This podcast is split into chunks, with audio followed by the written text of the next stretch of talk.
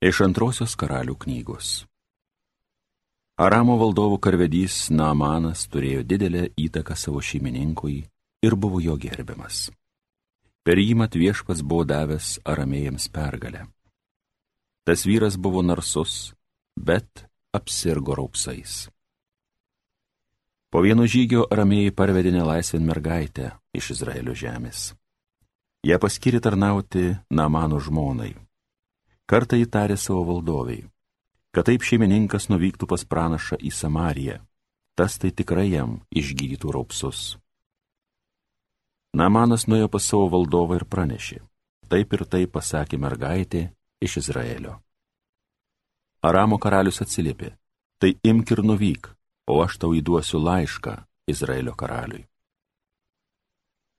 Namanas iškeliavo pasėmęs dešimt talentų sidabro šešis tūkstančius šekelių aukso ir dešimt šventinių drabužių. Izraelio karaliui įsiteikė laišką, kuriame buvo parašyta. Kai gausi šį raštą, žinok, jog aš siunčiu pas tave savo valdinį Namaną, kad tu jį išgydytum nuo raupsų. Perskaitęs raštą, Izraelio karalius persiplėšė rūbus ir tarė, argi aš Dievas galintis numarinti ir atgaivinti tas siunčia pas mane žmogų, kad jam pašalinčiau raupsus. Nagi supraskite ir žiūrėkite, jis nori prie manęs prikipti.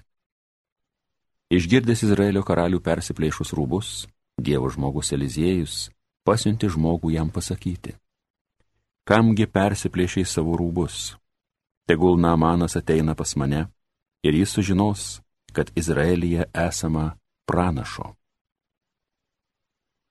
Namanas nuvyko su savo žirgais ir vežimais ir sustojo prie Eliziejaus namų. Tasai pas jį įsiuntė žmogų, kad jam pasakytų, eik ir septynis kartus apsiprausk Jordane, tada tavo kūnas pasveiks ir taps švarus. Bet Namanas supyko, paėjęs į šalį pareiškė, maniau, kad jis pats išeis, atsistos prieš mane ir šauksis viešpaties savo Dievo vardo, palies ranką nesveiką vietą ir tokiu būdu išgydys raupsus. Damasko upės Abana ir Parparas ar negeresnis už visus Izraelio vandenis? Ar aš negaliu tenai apsiplauti, kad tapčiau švarus?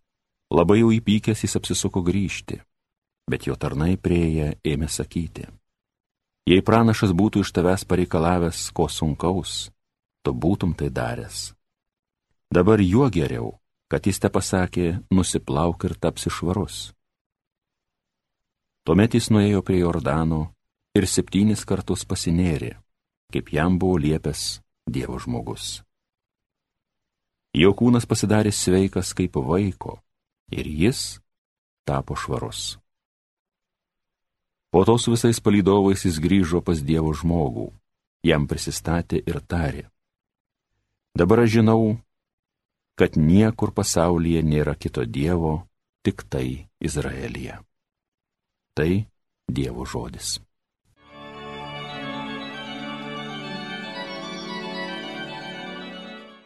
Mano siela ištroškusi gyvojo Dievo, vai kada Dievo veidą išvysiu. Kaip ištroškusi elnė uodžia upelio, taip mano širdis tavęs ilgisi Dieve. Mano siela ištroškusi gyvojo Dievo, vai kada Dievo veidą išvysiu. Mano siela ištroškusi Dievo gyvojo Dievo, vai kada nukeliausiu ir Dievo veidą išvysiu.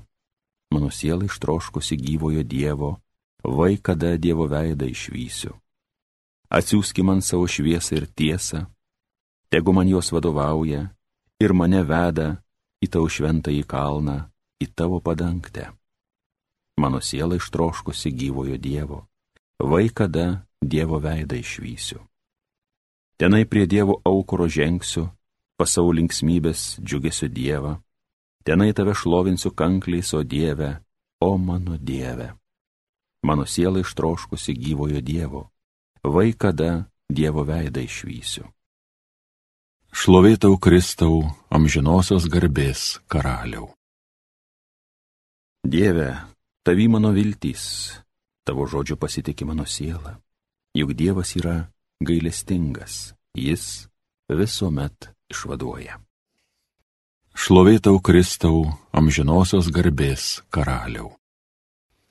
Viešpat su jumis. Paklausykite Šventosios Evangelijos pagal Luką. Atėjęs į Nazaretą, Jėzus pilojo žmonėms sinagogoje. Iš tiesų sakau jums, joks pranašas nepriimamas savo tėviškėje. Tikrą tiesą sakau jums, daug našlių buvo Izraelyje Elijo dienomis, kai dangus buvo uždarytas trejus metus ir šešis mėnesius. Ir baisus badas ištiko visą kraštą, bet ne pas vieną iš jų nebuvo siūstas Elijas, o tik pas našlė Sidonijos mieste Sareptoje.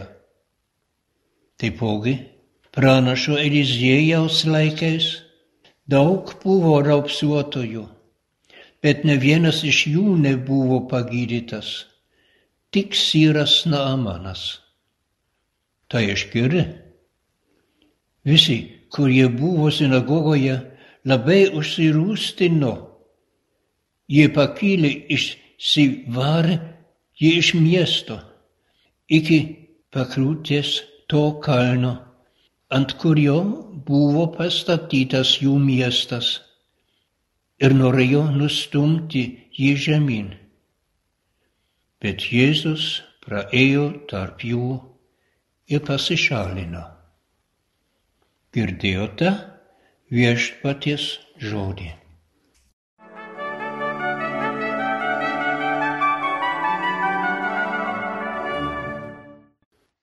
Brangus Marijos radio klausytojai.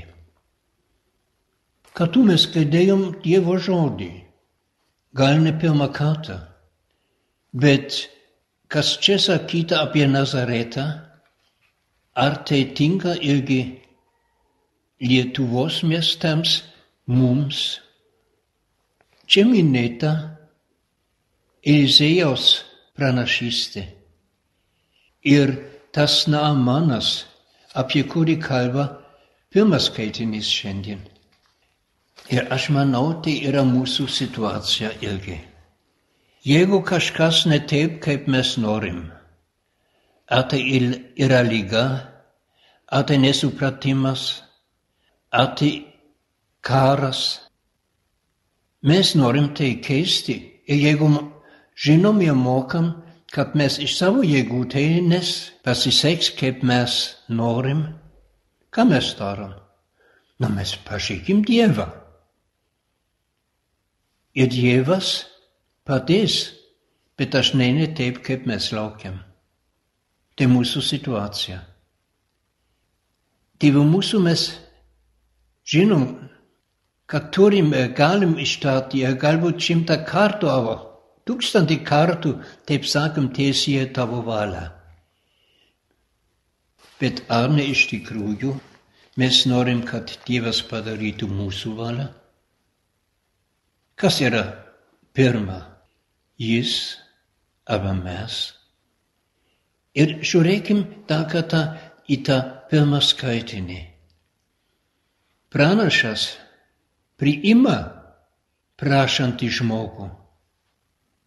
Ir vis tiek to, jis ne taip atsako, kaip kitas laukia. Žiūrėkim dar kartą. Jis sako, argi aš Dievas, galintis numarinti ir gaivinti. Tai yra dar karalius. Ir panašas sakė, kamgi persipilai savo rūbus. Tegul Naamanas ateina pas mane ir jis sužinos, kad Izraelija esama pranašo. Gerai jis ateina. Ir po to Naamanas sako, ką aš noriu ypatingai cituoti. Maniau, kad pranašas pats išeis, atsistos prieš mane ir šauksis viešpatie savo Dievo vardą. Palies ranką, nesveiką vietą ir tokiu būdu išgydys raupsius.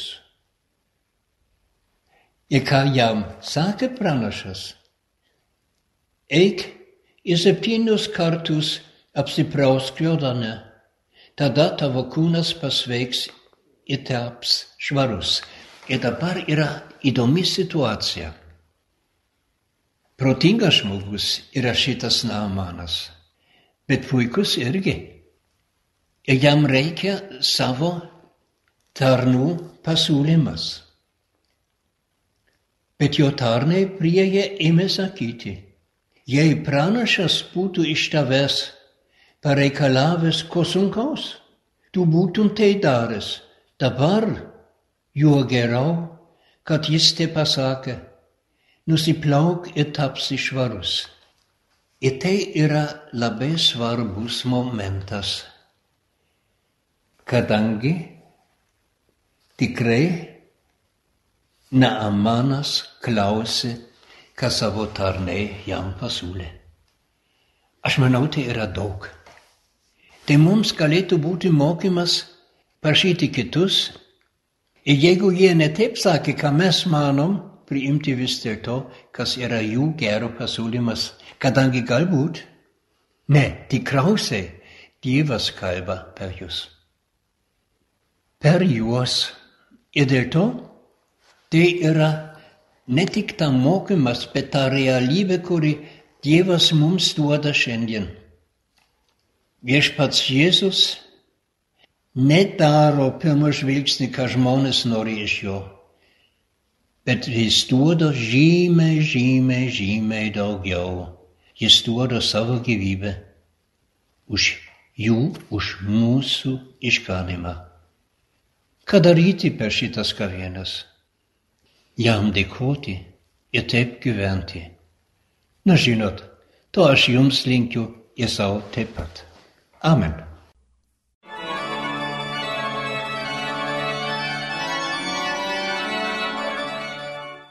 Homilija sakė brolis pranciškonas kunigas Severinas Holoher.